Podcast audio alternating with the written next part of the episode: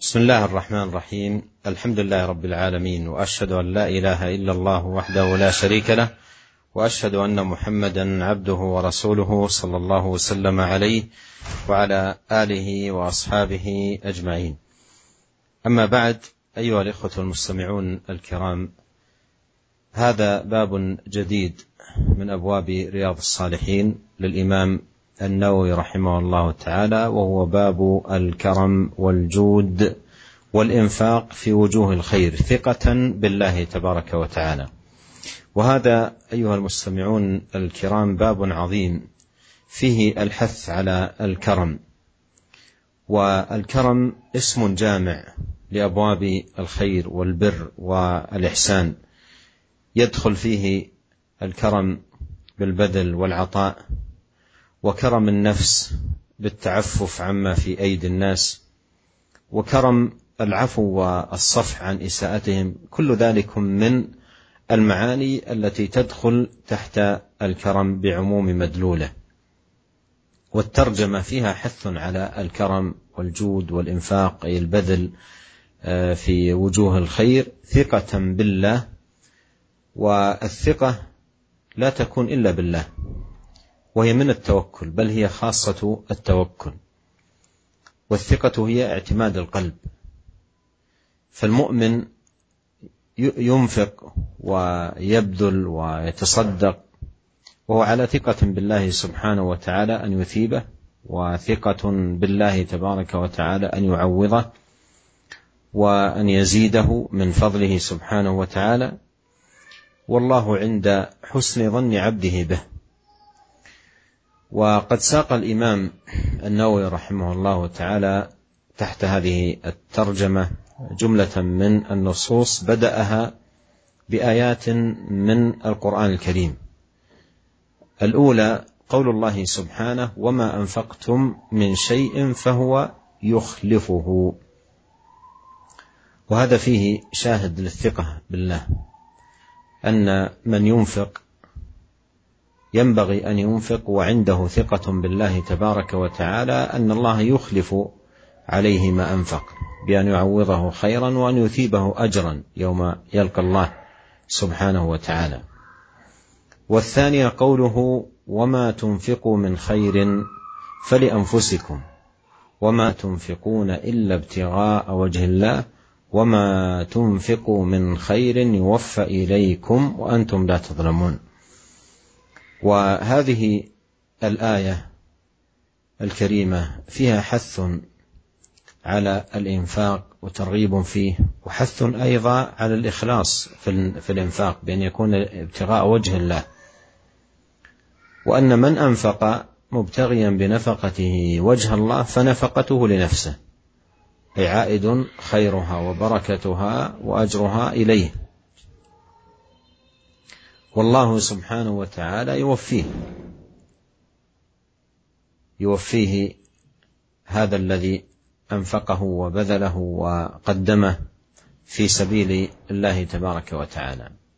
والثالثه قول الله تعالى وما تنفق من خير فان الله به عليم. أي عليم سبحانه وتعالى بالذي أنفقتم وبذلتم وقدمتم ومن لازم ذلكم الإثابة والمجازاه بحسن الأجر وعظيم الثواب. وجميع هذه الآيات الكريمات كلها في الحث على النفقة ابتغاء وجه الله سبحانه وتعالى وأن الله يعوض المؤمن ويخلفه خيرا ولا سيما مع الثقة بالله وحسن التوكل عليه. Bismillahirrahmanirrahim.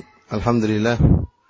Segala puji dan syukur kita panjatkan kehadirat Allah Subhanahu wa taala atas segala nikmat dan limpahan karunia yang Allah berikan kepada kita.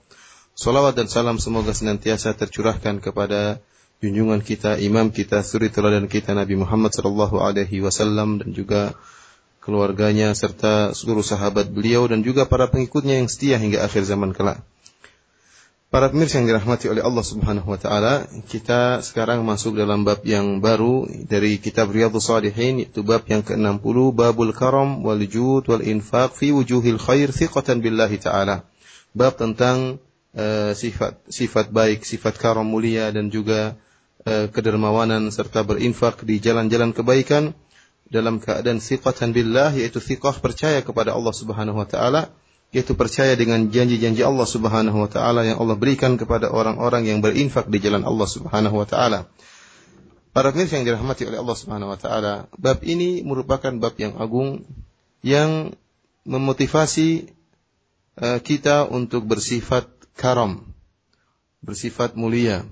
Dan al-karam, sifat al-karam dijelaskan oleh Syekh yaitu merupakan sifat yang mencakup atau nama yang mencakup pintu-pintu kebaikan dan pintu-pintu uh, ihsan. Oleh karenanya al-karam atau berbuat baik ini bisa dengan al-badhal wal ata dengan memberikan, dengan berinfak, atau al-karam berkaitan dengan diri sendiri yaitu memiliki sifat mulia, tidak minta-minta kepada orang lain, tidak mengharapkan pemberian orang lain, atau al-karam bil afu yaitu bersifat mulia dengan memaafkan. Jika ada orang berbuat salah maka dia memiliki sifat mulia, sifat baik dengan memaafkan orang yang bersalah tersebut. Seluruh makna ini ya baik berinfak, memberi bantuan kepada orang lain atau tidak minta-minta kepada orang lain atau memaafkan orang yang bersalah semuanya masuk dalam sifat al-karam. Kemudian eh, adapun perkataan Al-Imam Nawawi rahimahullah, thiqatan billah yaitu dengan penuh kepercayaan kepada Allah Subhanahu wa taala. Thiqah kepercayaan ya tidak boleh kecuali hanya dengan Allah Subhanahu wa taala, hanya kepada Allah Subhanahu wa taala. Dan percaya kepada Allah Subhanahu wa taala merupakan salah satu bagian dari bentuk tawakal kepada Allah. Ya, bahkan merupakan tawakal yang paling yang khusus yaitu seorang tatkala bekerja atau berbuat ya, atau berinfak beramal saleh dia harus tawakal menyandarkan seluruhnya kepada Allah Subhanahu wa taala. Seorang mukmin tatkala berinfak hendaknya dia dalam kondisi percaya kepada Allah Subhanahu wa taala, beriman kepada Allah Subhanahu wa taala bahwasanya Allah Subhanahu wa taala akan memberi ganti atas infak yang dia keluarkan tersebut. Bahkan Allah akan menambah hartanya. Ya dari infak yang dikeluarkan Allah akan tambah hartanya. Ya. Dan kita tahu bahwasanya Allah Subhanahu wa taala sesuai dengan persangkaan hambanya. Jika hambanya bersangka baik kepada Allah maka Allah akan sesuai dengan persangkaan sang hamba dalam bab ini Al Imam Nawawi rahimahullah membawakan banyak dalil ya seperti biasa Al Imam Nawawi rahimahullah membuka bab bab-babnya dengan membawakan firman-firman Allah Subhanahu wa taala Ayat yang pertama yang dibawakan oleh Al-Imam Nawawi rahimahullah yaitu firman Allah Subhanahu wa taala, "Wa ma anfaqtum min syai'in fahuwa yukhlifuh." Kebaikan apa saja yang kau infakkan, yang kalian infakkan, fahuwa yukhlifuh, maka Allah akan menggantinya. Dalam ayat ini jelas tentang seorang mukmin tatkala berinfak harus percaya kepada Allah Subhanahu wa taala. Tatkala dia mengeluarkan infaknya, harus dalam kondisi beriman kepada Allah bahwasanya Allah Subhanahu wa taala akan menggantinya. Allah akan menggantinya di dunia dan juga Allah akan menggantinya pada hari tatkala dia bertemu dengan Allah di akhirat kelak. Kemudian ayat yang kedua yaitu firman Allah Subhanahu wa taala, "Wa ma tunfiqu min khairin fali anfusikum." Kebaikan apa saja yang kalian infakkan, maka untuk diri kalian. Wa ma tunfiqu illa btigha'a wajhillah dan janganlah kalian berinfak kecuali mengharapkan wajah Allah Subhanahu wa taala. Wa ma tunfiqu min khairin yuwaffa ilaikum wa antum la tuzlamun. Dan kebaikan apa saja yang kalian infakkan maka akan dibalas oleh Allah Subhanahu wa taala, dipenuhi oleh Allah Subhanahu wa taala dan kalian tidak akan dizalimi. Para pemirsa yang dirahmati oleh Allah Subhanahu wa taala, dalam ayat yang kedua ini juga ya ada dorongan dan anjuran untuk berinfak di jalan Allah Subhanahu wa taala. Dan juga terkhususkan berinfak dalam keadaan ikhlas kepada Allah. Tidaklah seorang berinfak kecuali mengharapkan wajah Allah Subhanahu wa taala. Ya, mengharapkan ganjaran dari Allah Subhanahu wa taala.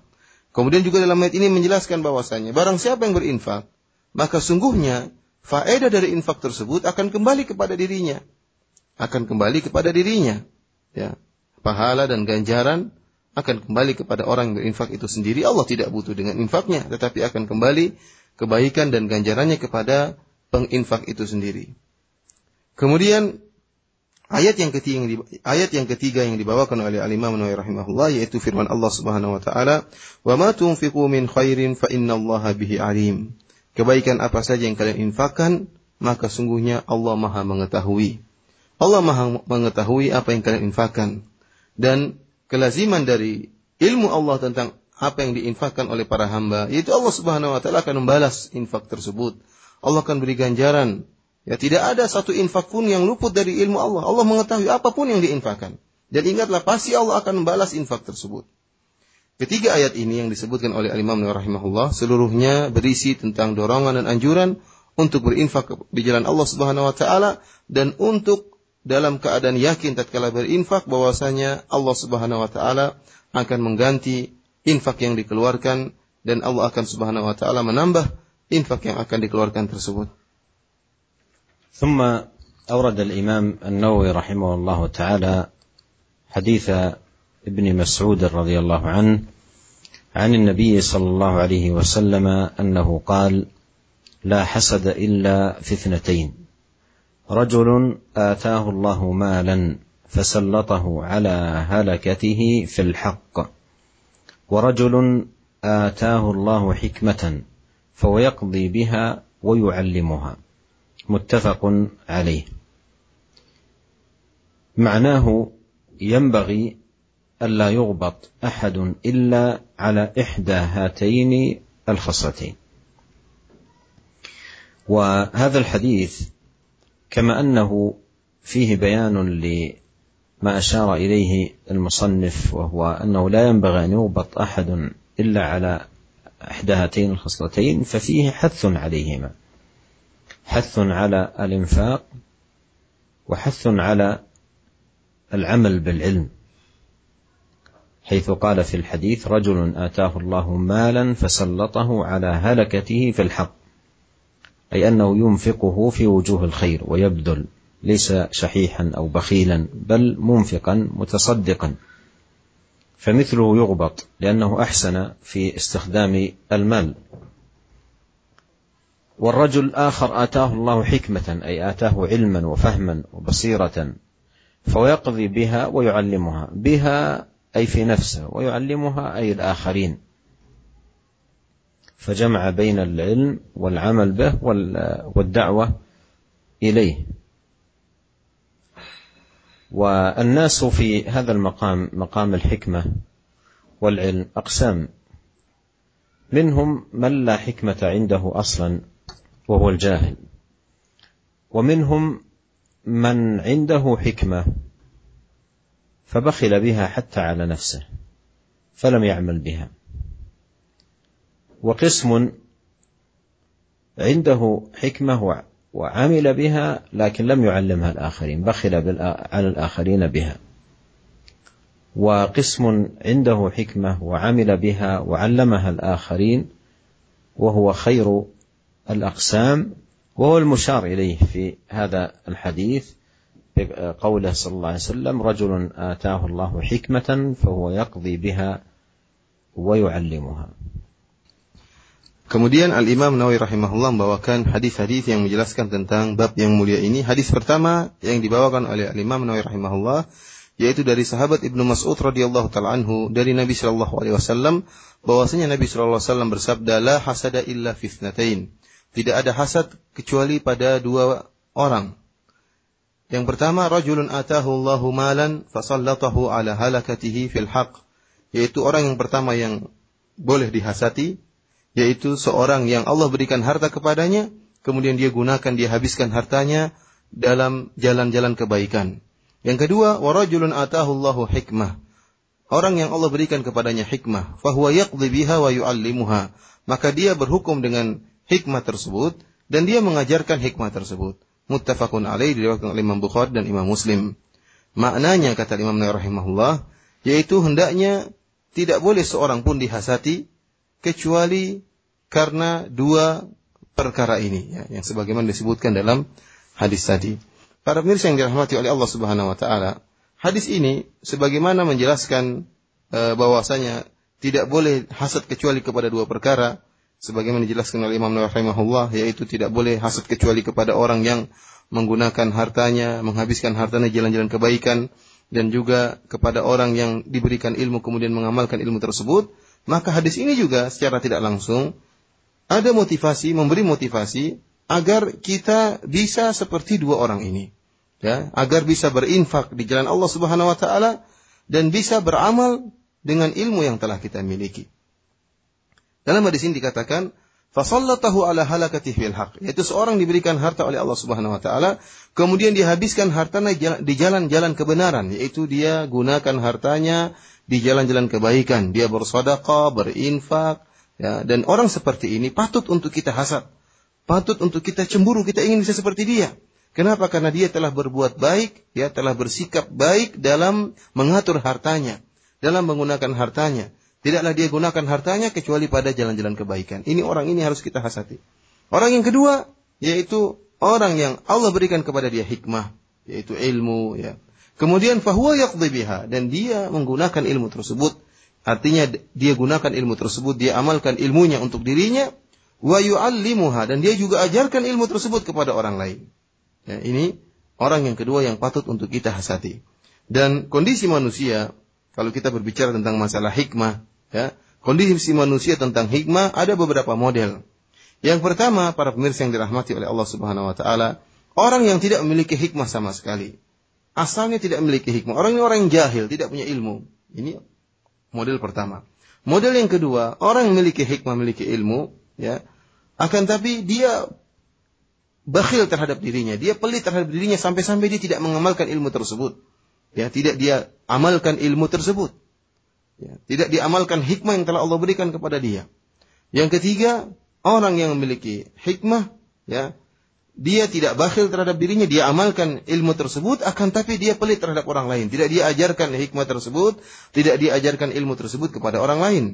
Dan jenis yang keempat, yang terbaik model yang keempat, itu orang yang memiliki hikmah dan dia amalkan dalam dirinya hikmah tersebut, kemudian dia ajarkan kepada orang lain hikmah tersebut. Dan inilah eh, model yang terbaik yang diisyaratkan dalam hadis di hadis yang tadi telah kita sebutkan yaitu kata Nabi sallallahu alaihi wasallam rajulun atahu Allahu hikmah orang yang Allah berikan kepadanya hikmah fahuwa yaqdi biha wa yuallimuha dia amalkan dalam dirinya dan diajarkan kepada orang lain inilah orang yang patut untuk kita hasati ثم أورد رحمه الله تعالى حديث ابن مسعود رضي الله عنه قال قال رسول الله صلى الله عليه وسلم ايكم مال وارثه أحب إليه من ماله. قالوا يا رسول الله ما منا أحد إلا ماله أحب إليه. قال فإن ماله ما قدم ومال وارثه ما أخر رواه البخاري. هذا الحديث أيها الإخوة المستمعون الكرام فيه حث على النفقة والبذل في وجوه الخير وأن المنفق هو الذي انتفع حقيقة بماله. في الدنيا بركة وفي الآخرة ثوابا وأجرا. وفي الحديث أيضا تصحيح للمفاهيم الخاطئة التي تكون لدى لدى الناس. فقال لهم أيكم مال وارثه أحب إليه من ماله؟ قالوا يا رسول الله ما منا أحد إلا مال إلا ماله أحب إليه. فقال فإن ماله ما قدم. ومال وارثه ما أخر.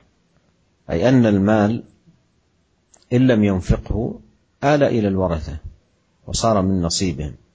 وأصبحت مهمته على هذا المال الخزانة والحفظ.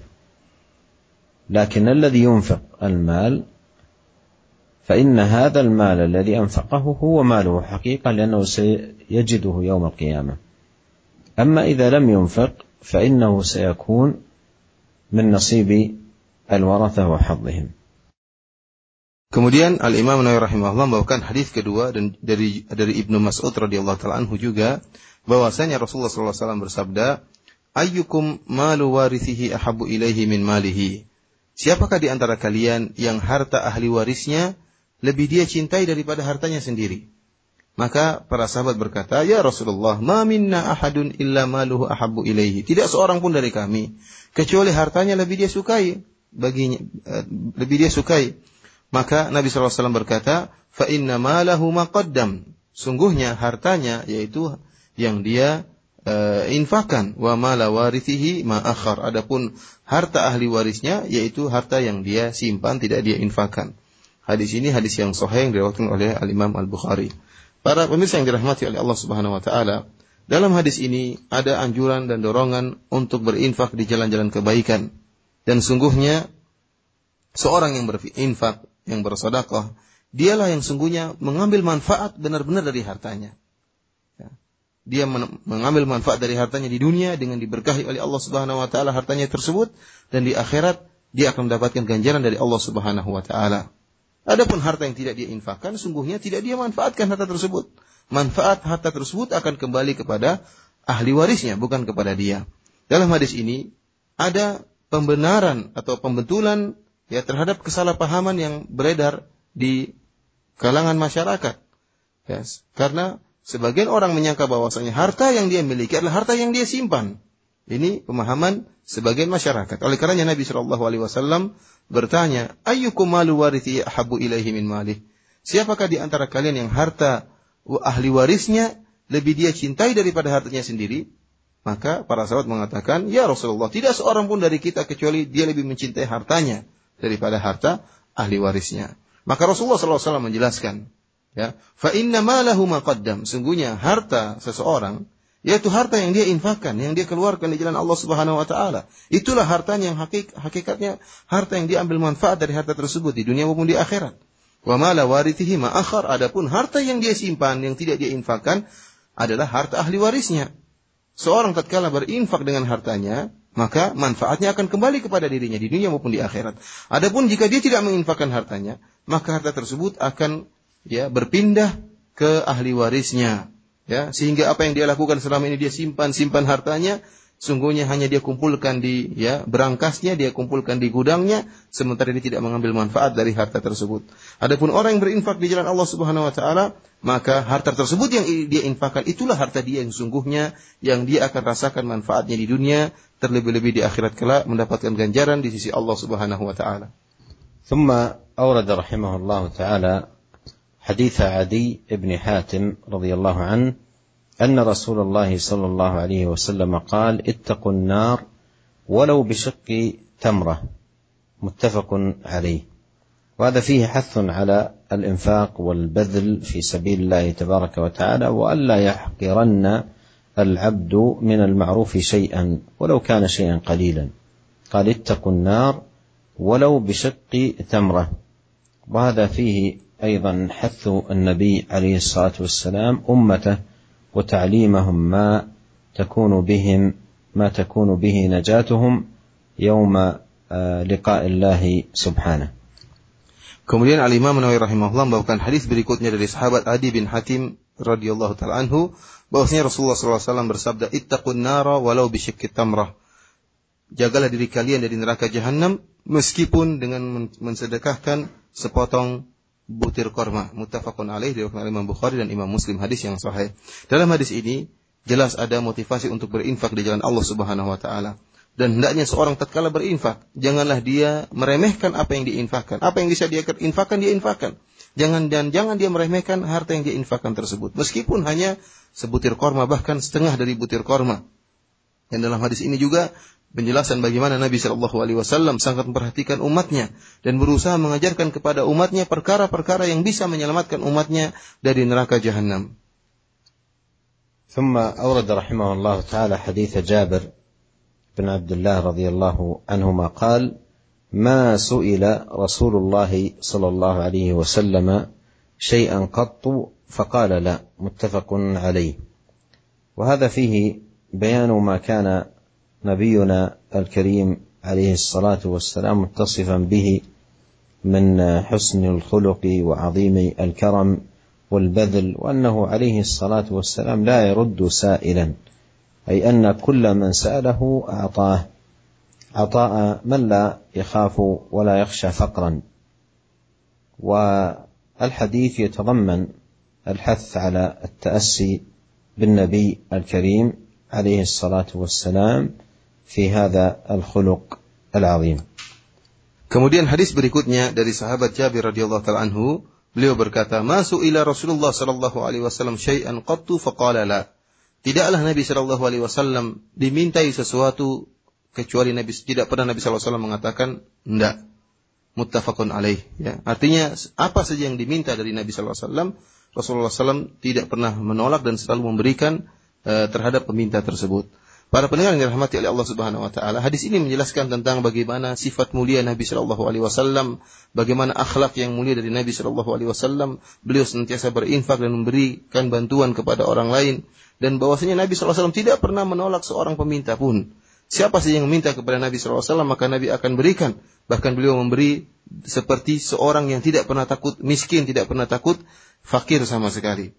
Dan hadis ini secara tidak langsung memberi isyarat kepada kita untuk bertaasi untuk meneladani Nabi Shallallahu Alaihi Wasallam dalam akhlak beliau yang sangat mulia, senantiasa membantu orang lain dan tidak menolak permintaan orang lain.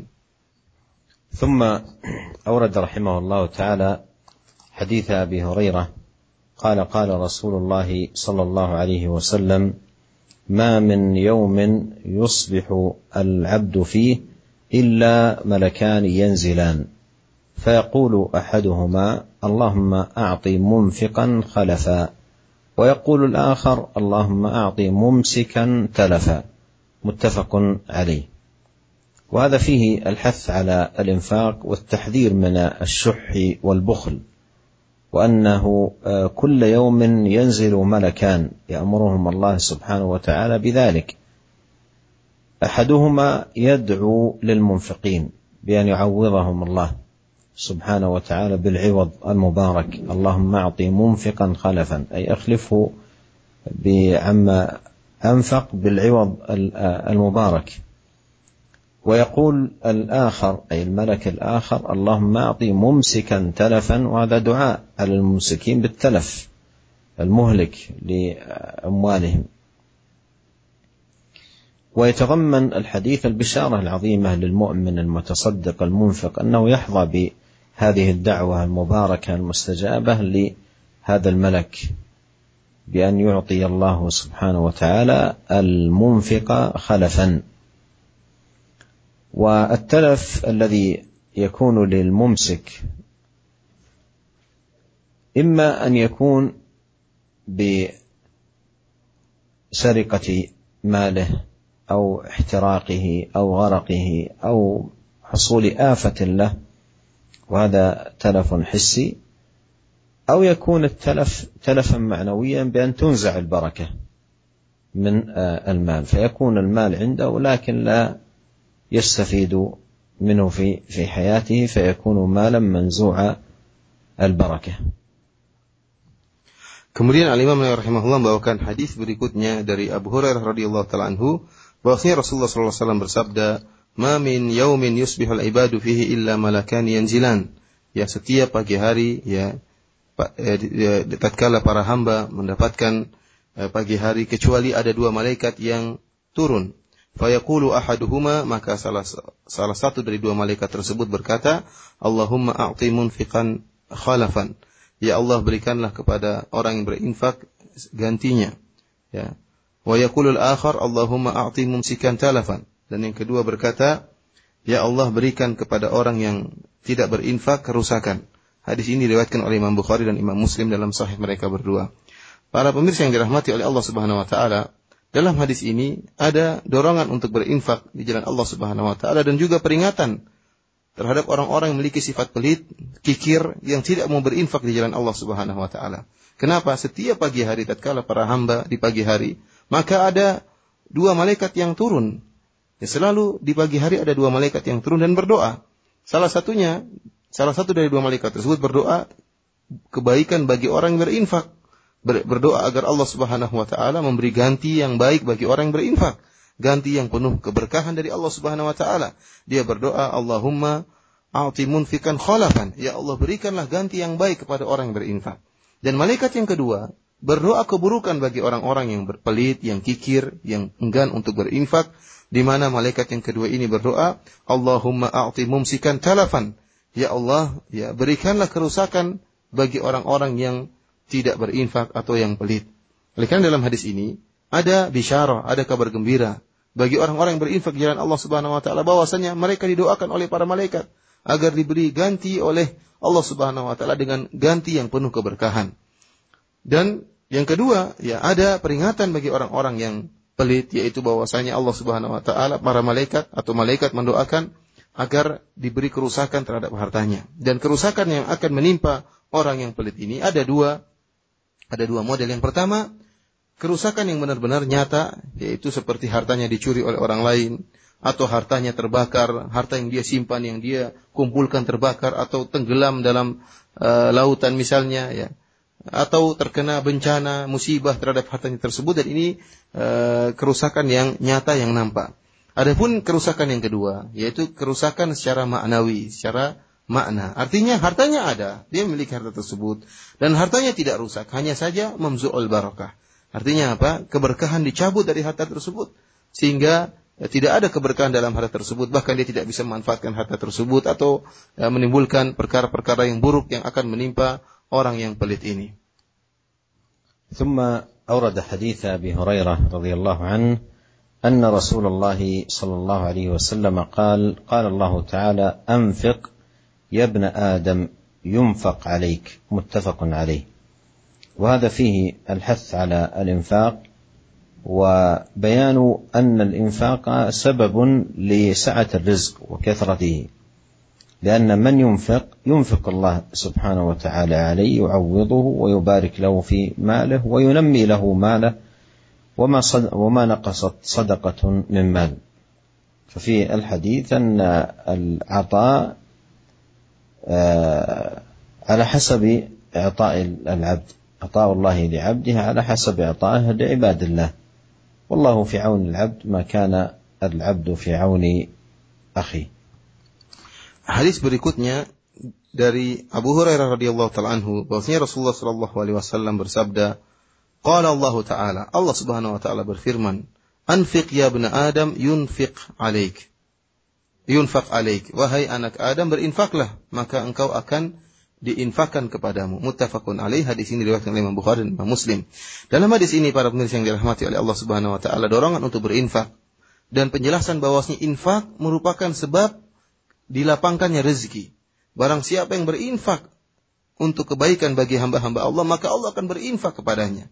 Allah akan berikan harta kepadanya. Allah akan menambahkan hartanya. Allah akan mengembangkan dan meluaskan hartanya. Ini jelas bahwasanya berinfak merupakan sebab datangnya rezeki. Oleh karena disebutkan dalam hadis ini, yunfak alaik, maka Allah akan berikan rezeki dan infak kepada engkau.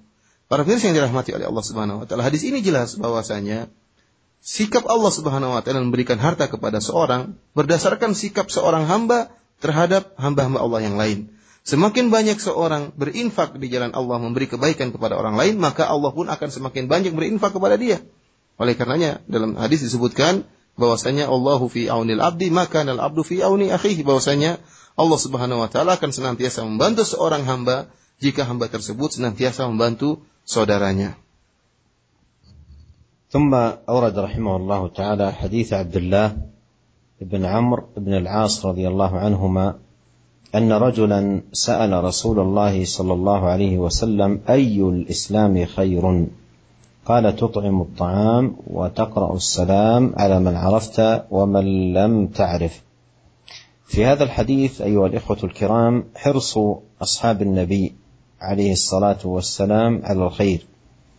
ودرايتهم بتفاضل الأعمال وأنها ليست على درجة واحدة بل بينها تفاوت وتفاضل. ولهذا يكثر سؤال الصحابة عن هذا الأمر حرصا على فضائل الأعمال للقيام بها والاتيان بها والتنافس في أدائها.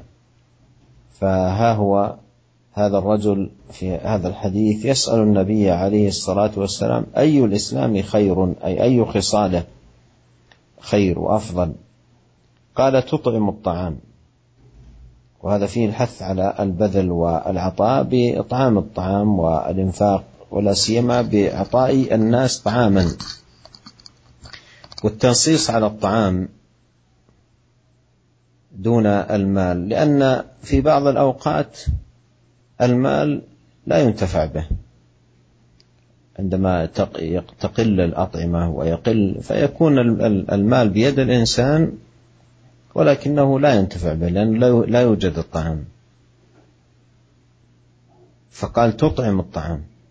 تطعم الطعام أي تقدم الطعام طعاما يأكله الناس يشبع جوعتهم. فهذا من أعظم الأعمال المقربة إلى الله سبحانه وتعالى ومن أعظم خصال الإسلام. والخصلة الثانية قال وتقرأ السلام على من عرفت ومن لا تعرف. ومن لم تعرف أي أن السلام لا تقصره على المعرفة بل تسلم على من عرفت وعلى من لم تعرف.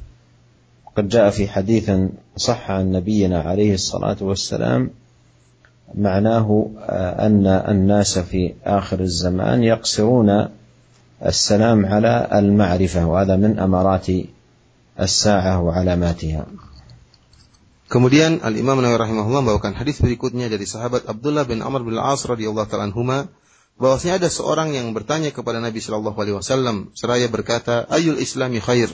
Ya Rasulullah, Islam manakah yang terbaik? Maka Rasulullah SAW menjawab, "Tut'imu ta'am." Engkau memberi makan kepada fakir miskin, wa taqra'us salam dan engkau memberi salam ala man arafta wa man lam ta'rif. Engkau memberi salam kepada orang yang engkau kenal dan orang yang tidak engkau kenal. Muttafaqun alaih diriwayatkan oleh Imam Bukhari dan Imam Muslim. Para pendengar yang dirahmati oleh Allah Subhanahu wa taala, para pemirsa Roja TV yang dimuliakan oleh Allah Subhanahu wa taala, hadis ini menunjukkan akan semangatnya para sahabat untuk mengetahui jalan-jalan kebaikan dan bahwasanya mereka tahu para sahabat memiliki ilmu bahwasanya kebaikan-kebaikan itu bertingkat-tingkat kebaikan-kebaikan itu tidak pada satu derajat, tetapi derajatnya bertingkat-tingkat. Oleh karenanya kita dapat di dalam banyak hadis, banyak para sahabat yang bertanya tentang hal ini. Islam manakah yang terbaik? Iman manakah yang terbaik? Amal manakah yang terbaik? Kenapa? Karena mereka ingin tahu mana amal yang terbaik yang bisa mereka lakukan. Kemudian mereka akan bertanafus, mereka akan berlomba-lomba untuk melakukan amalan yang terbaik untuk memperoleh ganjaran yang terbaik dari Allah Subhanahu wa taala. Perhatikanlah sahabat ini. Dia bertanya kepada Rasulullah, "Ya Rasulullah, ayul islami khair?" Wahai Rasulullah, Islam apakah yang terbaik? Yaitu amalan apakah yang terbaik? Ya, maka Nabi Shallallahu alaihi wasallam menjawab, "Tut'imu ta'am." Engkau memberi makanan, memberi makanan, itu berinfak di jalan Allah Subhanahu wa taala. Ya, terutama engkau memberi makanan kepada orang-orang yang dalam keadaan keadaan lapar. Dan dalam hadis ini disebutkan khusus tentang masalah makanan. Tentunya infak yang lain pun bermanfaat. Akan tapi kenapa Nabi SAW menyebutkan khusus tentang masalah makanan? Karena pada saat-saat tertentu terkadang harta tidak ada faedahnya. Orang memiliki harta tapi tidak ada makanan. Yang penting adalah bagaimana makanan itu bisa sampai kepada orang-orang yang membutuhkan, yang bisa menghilangkan rasa laparnya, ya. Ya, kita tahu dalam kondisi sebagian bencana, dalam kondisi sebagian kondisi, terkadang harta, uang tidak ada faedahnya. Yang diinginkan oleh masyarakat adalah makanan karena mereka sedang ditimpa dengan kelaparan. Oleh karenanya Nabi SAW dalam hadis ini menyebutkan tentang masalah makanan. Kemudian yang kedua, ya e, perkara yang kedua yang dianjurkan oleh Nabi Shallallahu Alaihi Wasallam yaitu wataqra'us salam ala man arafta wa man lam ta wa man lam ta'rif. Engkau memberikan salam kepada orang yang engkau kenal dan orang yang tidak engkau kenal. Karena para pemirsa yang dirahmati oleh Allah Subhanahu wa taala di antara sifat mulia yaitu kita tidak membatasi salam hanya kepada orang yang kita kenal saja. Bahkan disebut dalam hadis yang sahih bahwasanya manusia di akhir zaman mereka hanya memberi salam kepada orang yang mereka kenal dan ini merupakan tanda-tanda daripada hari kiamat. Sikap yang mulia, sifat yang mulia adalah kita memberi salam kepada siapapun orangnya, baik kita kenal maupun tidak kita kenal. ثم أورد رحمه الله حديث عبد الله بن عمرو بن العاص قال قال رسول الله صلى الله عليه وسلم أربعون خصلة أعلاها منيحة العنز. ما من عامل يعمل بخصلة منها رجاء ثوابها وتصديق موعودها إلا أدخله الله تعالى بها الجنة. رواه البخاري.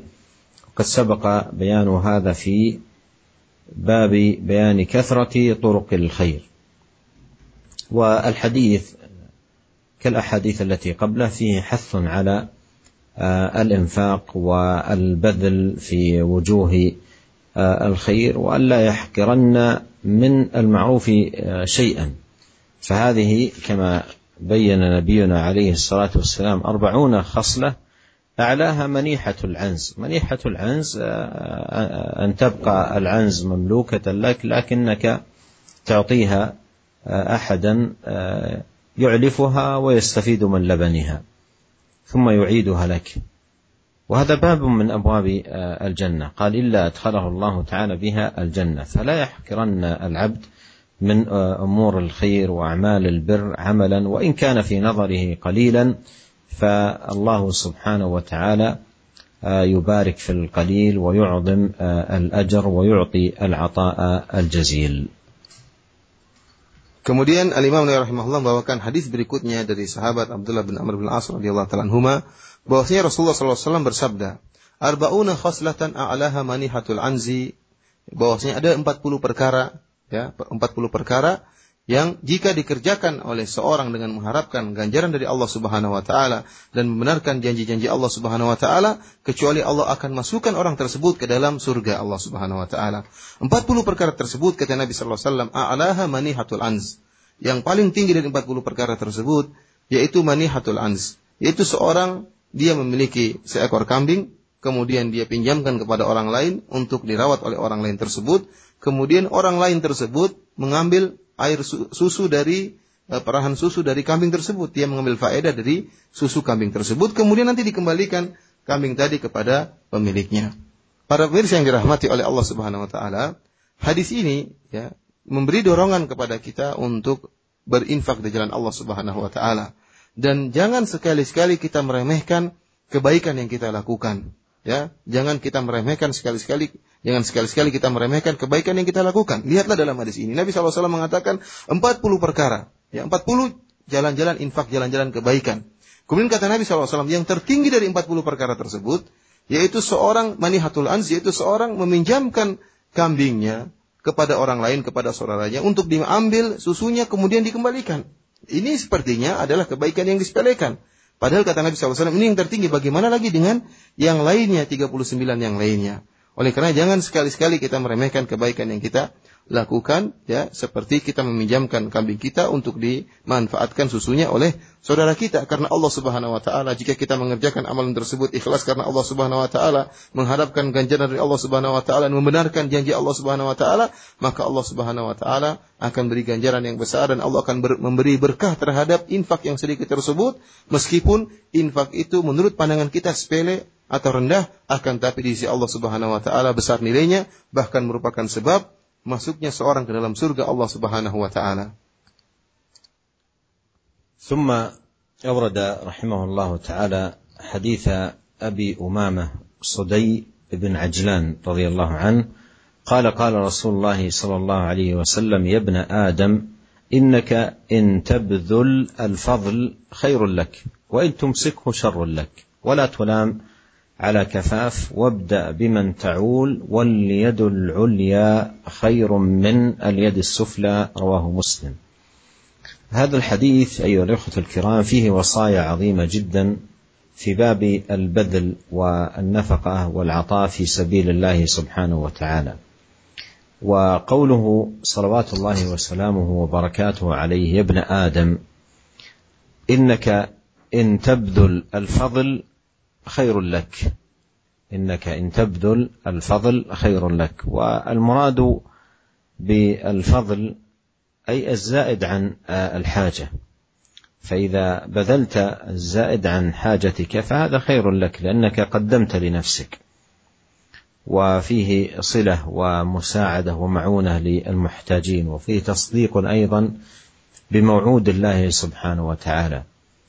بأن يخلفك خيرا وأن يعوضك خيرا. وإن تمسكه شر لك لأن هذا من أمارات ضعف الثقة والتوكل على الله والثقة بموعوده سبحانه وتعالى.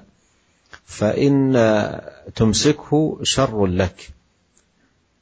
وقوله في هذا الحديث لا تلام على كفاف. أن أي أن قدر الحاجة لا لوم على صاحبه. قدر الحاجة لا لوم على صاحبه. ثم قال عليه الصلاة والسلام وابدأ بمن تعول.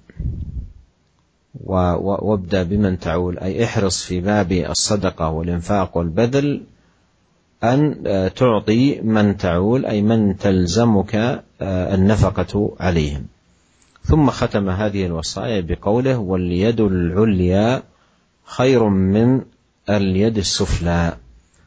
واليد العليا هي المعطية والسفلى هي الآخذة. وبهذا الحديث نكتفي في يومنا هذا ونسأل الله عز وجل أن يوفقنا أجمعين لكل خير وأن يمنحنا العلم النافع والعمل الصالح إنه سميع الدعاء. Para pemirsa yang dirahmati oleh Allah Subhanahu wa taala, kemudian Al Imam Nawawi rahimahullah membawakan hadis berikutnya dari Abu Umamah Sudai bin Ajlan radhiyallahu taala anhu bahwasanya Rasulullah sallallahu alaihi wasallam pernah bersabda, "Ya bani Adam, innaka an al-fadla khairun laka." Wahai anak Adam, jika engkau menginfakkan kelebihan hartamu, maka itu lebih baik bagi engkau. Wa in tumsikahu syarrun lak. Dan jika engkau uh, jika engkau menahannya tidak kau infakkan maka ini buruk bagi engkau. Wala tulamu ala kafafin. Dan tidaklah engkau dicela jika engkau ya mengeluarkan sesuai dengan kebutuhanmu. Wabda biman ta'ul dan mulailah dari orang yang di bawah tanggunganmu. Wal yadul ulya khairun minal yadi sufla dan tangan yang di atas lebih baik daripada tangan yang di bawah. Hadis yang sahih diriwayatkan oleh Imam Muslim Para pendengar yang dirahmati oleh Allah Subhanahu wa taala, dalam hadis ini ada wasiat-wasiat dari Nabi Shallallahu alaihi wasallam yang berkaitan dengan berinfak di jalan Allah Subhanahu wa taala. Ya, di mana Nabi Shallallahu alaihi wasallam dalam wasiat yang pertama mengatakan bahwasanya antabdul al-fadla khairun laka. Wahai anak Adam, jika engkau menginfakkan kelebihan hartamu karena al-fadl artinya dalam dalam hadis ini artinya harta yang berlebihan dari kebutuhan Artinya ada harta yang kita gunakan untuk kita membeli barang-barang kebutuhan kita untuk mencukupi kebutuhan kita. Ya, kita uh, kita simpan atau kita gunakan untuk diri kita memenuhi kebutuhan kita dan setelah itu masih ada kelebihannya. Itu yang disebut dengan al-fadl. Di sini Nabi Shallallahu alaihi wasallam menganjurkan agar seorang menginfakkan kelebihan hartanya dan itu lebih baik baginya. Karena ini menunjukkan tentang keimanannya bahwasanya dia membenarkan janji Allah Subhanahu wa taala ya bahwasanya dia eh, menantikan ya ganjaran dari Allah Subhanahu wa taala. Kemudian wasiat berikutnya kata Nabi Shallallahu alaihi wasallam, "Wa antum sikahu syarrun laka." Adapun jika engkau menahannya, maka ini lebih buruk buruk bagi engkau. Seorang yang tidak menginfakkan kelebihan hartanya, ya maka ini akan buruk bagi baginya karena merupakan tanda lemahnya uh, imannya, tanda lemahnya kepercayaan dia kepada Allah Subhanahu wa taala. Kemudian Nabi SAW mengatakan, wala tulamu ala kafaf. Dan engkau tidak akan dicela ya jika engkau tidak berinfak karena memang dalam rangka untuk memenuhi kebutuhanmu. Ya, kebutuhanmu sehingga tidak sempat untuk berinfak. Orang yang seperti tidak dicela karena dia tidak tidak memiliki kelebihan harta sehingga dia hanya menggunakan hartanya untuk kebutuhan dia, kebutuhan yang uh, dia butuhkan dan ini orang seperti tidak dicela dalam dalam syariat. Yang kemudian kata Nabi Shallallahu alaihi wasallam, wabda biman ta'ul, mulailah dari orang yang di bawah tanggunganmu. Artinya jika seorang hendak berinfak, maka mulailah berinfak ya terhadap orang-orang yang di bawah tanggungannya, orang-orang yang uh, yang di bawah pemeliharaannya. Kemudian setelah itu Nabi Shallallahu Alaihi Wasallam berkata, wal yadul ulia khairun minal yadi sufla, bahwasanya tangan yang di atas lebih baik daripada tangan yang di bawah, artinya tangan yang berinfak, ya itu lebih baik daripada tangan yang yang menerima infak tersebut. Demikianlah para pemirsa yang dirahmati oleh Allah Subhanahu wa taala kajian kita pada uh, kesempatan kali ini. Mudah-mudahan kita bisa lanjutkan pada kesempatan yang lain selanjutnya ana kembalikan kepada Akhi Ihsan hafizahullah taala. Jazakallah khair kami ucapkan kepada Syekh Abdul Razak bin Abdul Musin Al-Badar dan Al-Ustaz uh, Bu Abdul Musin Firanda hafizahumullah taala atas terjemahan. Kami berikan kesempatan ada waktu yang tersisa bagi Anda yang ingin bertanya di line telepon 0218236543. Kami angkat satu penelpon yang pertama. Taib. Halo. Assalamualaikum. Waalaikumsalam warahmatullah. Dengan siapa di mana? Abu Sofwan Jakarta. Silakan Abu Sofwan. Uh, selama ini masjid-masjid di lingkungan kami itu dibangun oleh infak-infak masyarakat. Nah, sedangkan uh, uh, barang-barang atau kotak-kotak uh, amal yang ada di masjid itu kadang-kadang dicuri oleh pencuri. Apakah dengan adanya ini salah satu tanda dari harta-harta yang tidak baik? Begitu juga seandainya barang-barang kita yang di rumah, kadang-kadang kecuri atau kebakaran, apakah itu juga tanda-tanda yang tidak baik, dari apa yang tidak baik. Jazakallah khairan. Assalamualaikum warahmatullahi wabarakatuh. Waalaikumsalam warahmatullahi wabarakatuh. Kita akan lebih depan dari قد يكون هذا علامة التفريط في حفظ المال وهذه أموال تبرع بها للمسجد أو لأعمال الخير فينبغي أن تحفظ. ولا شك أن في كل مجتمع من هم ضعاف النفوس ولا يبالون بأخذ الأموال وإن كانت حتى في وجوه الخير. فالذي ينبغي في مثل ذلك أن تحفظ هذه الأموال وأن تصان من من كونها مبذولة سهلا أخذها وتناولها من أمثال هؤلاء. Syekh menyatakan bahwasanya uh, kalau ada pencurian harta di dari harta yang ada di masjid atau uang yang ada di masjid ini menunjukkan tanda bahwasanya uh, tidak ada penjagaan yang baik atau uh, bergampang-gampangan dalam menjaga harta kaum muslimin ya. Karena harta tersebut adalah infak kaum muslimin. Maka hendaknya dijaga dengan dengan baik. Karena bagaimanapun di masyarakat ada orang-orang yang lemah imannya yang mencuri harta orang lain. Bahkan dengan tega-teganya mencuri harta uh, yang merupakan harta masjid yang merupakan infak dari masyarakat. Oleh karenanya ya, perhatian kita adalah bagaimana bisa menjaga harta tersebut dengan uh, baik dan tidak mudah untuk diambil atau dicuri oleh orang lain. Jazakallah Syekh dan kami angkat pertanyaan berikutnya masih di 0218236543. Kita angkat penelpon yang kedua. Taib, halo. Assalamualaikum. Waalaikumsalam warahmatullah. Dengan siapa di mana, Pak? Dengan Abu Daud di Jakarta. Silakan, Bapak Abu Daud. Ya. Ya. Uh, ya, saya ada apa nih ada dua pertanyaan. Uh, yang pertama mengenai hadis riwayat uh, Abu Daud dan Ahmad saya bacakan hadisnya. Uh, man habba an yuhalliqa habibahu bi halqatin min nar fal yuhalliqhu halqatan min zahab. Uh, apa ya, barang siapa yang suka melingkarkan kepada kekasihnya lingkaran cincin dari api, maka lingkarkanlah kepadanya lingkaran cincin dari emas. Apakah hadis ini sahih dan apakah berarti bahwa cincin emas itu terlarang bagi uh, perempuan. Baik, mungkin satu pertanyaan saja Pak ya, kita berikan kesempatan bagi yang lain. Iya, jazakallah khair. Silakan Ustaz. Uh, pertanyaan berikutnya, Cok. Oh. Pertanyaan berikutnya. Baik, untuk satu pertanyaan ini saja atau kita akan angkat kembali pertanyaan berikutnya, Ustaz? Ya, angkat pertanyaan berikutnya. Baik, kami akan angkat pertanyaan berikutnya. Karena pertanyaan ini sudah diajukan bagi Anda yang mungkin menyimak pada kesempatan yang lain ya. Atau kemarin kita angkat pertanyaan yang ketiga. Halo. Halo, Assalamualaikum. Waalaikumsalam warahmatullah. Dengan siapa di mana? Dengan Bahrul Ulum di Palu. Bapak Bahrul Ulum, silakan Pak. Uh, yang ingin saya tanyakan, saya pernah mendengarkan penjelasan dari seorang ustadz menyatakan bahwa uh, tidak dinyatakan orang miskin yaitu orang yang meminta-minta. meminta-minta.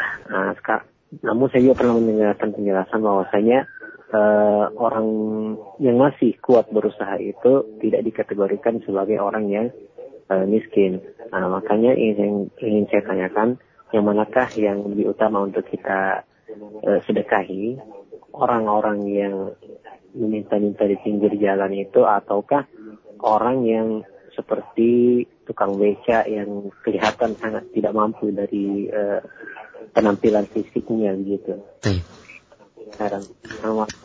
Waalaikumsalam warahmatullahi wabarakatuh. Silakan Ustaz. أولا في ما يتعلق بالحديث الذي سأل عنه وحديث من أحب أن يحلق حبيبه حلقة من نار فليحلقه حلقة من ذهب. والحديث رواه أبو داود في سننه وغيره من أهل العلم. والرواة لأحاديث رسول الله صلوات الله وسلامه عليه. وفيه التحذير من لبس الذهب للرجال تحذير من لبس الذهب للرجال.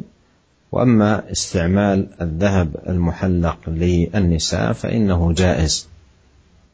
ودلت على ذلك دلائل في سنة النبي الكريم عليه صلوات الله وسلامه عليه. والسؤال الثاني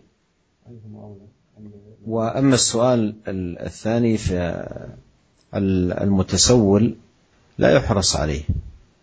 وإن كان إن شعر بحاجة فعلا يعطى لكن الذي ينبغي أن يحرص عليهم هم الذين لا يسألون الناس الحافا. يحرص على تتبع أماكنهم ومواضعهم والسؤال عنه عنهم. فهؤلاء هم الأحق والأجدر بأن يبحث عنهم وأن يساعدهم بما يستطيع. والذي يتسول إن علم صدقه فإنه يعطى وإلا فإن في هؤلاء من يكذب ويختلق أشياء. ليست صحيحة مثل ما نقل عن أحد الأئمة أنه قال أكذب الناس السؤال. يعني يكذب ويصف نفسه بالفقر والحاجة في أمور ليست صحيحة. فالذي يحرص عليه هم الذين لا يسألون الناس ومن تحقق من حاجة من السائلين فإنه يعطى ونسأل الله عز وجل لنا أجمعين التوفيق والسداد والعون على كل خير والسلام عليكم ورحمة الله وبركاته Waalaikumsalam warahmatullahi wabarakatuh. Uh, mengenai hadis yang ditanyakan, uh, saya menjelaskan bahwasanya hadis tersebut diriwayatkan oleh Al Imam Abu Dawud dalam sunannya dan yang lainnya Makna hadis tersebut artinya larangan seorang uh, menggunakan uh, emas bagi uh, kaum lelaki. Ya. Adapun uh, emas uh, yang digunakan untuk kaum wanita maka hal ini diperbolehkan berdasarkan banyak dalil dari sunnah Nabi Shallallahu Alaihi Wasallam. Adapun soal yang kedua, pertanyaan yang kedua, uh, beliau mengatakan bahwasanya orang yang meminta-minta pengemis jangan terlalu di, uh, diperhatikan kecuali jika memang benar-benar diketahui mereka itu benar-benar butuh ya karena banyak di antara para pengemis yang mereka e, berdusta dan berpura-pura tidak sebagaimana kondisi yang sebenarnya. Yang perlu diperhatikan yang sangat diperhatikan adalah orang-orang yang butuh namun tidak minta-minta. Mereka butuh dan mereka uh, akan tapi mereka memiliki uh, harga diri sehingga mereka tidak minta-minta. Perhatikan bagaimana kondisi mereka di mana tempat mereka dicari orang-orang yang seperti ini. Itulah orang-orang yang lebih utama untuk diberi e, bantuan dan diberi sedekah kepada kepada mereka. Adapun para peminta, ya maka jangan terlalu diperhatikan kecuali yang benar-benar diketahui bahwasanya dia dalam kondisi e, membutuhkan e, bantuan. Demikian saja para pemirsa yang dirahmati oleh Allah Subhanahu wa taala kajian kita pada kesempatan kali ini. Semoga Allah Subhanahu wa taala memberikan kita ilmu yang bermanfaat dan semoga Allah Subhanahu wa taala mudahkan kita untuk mengamalkan apa yang telah kita ilmui. Demikian saja wabillahi taufik wal hidayah. Assalamualaikum warahmatullahi wabarakatuh.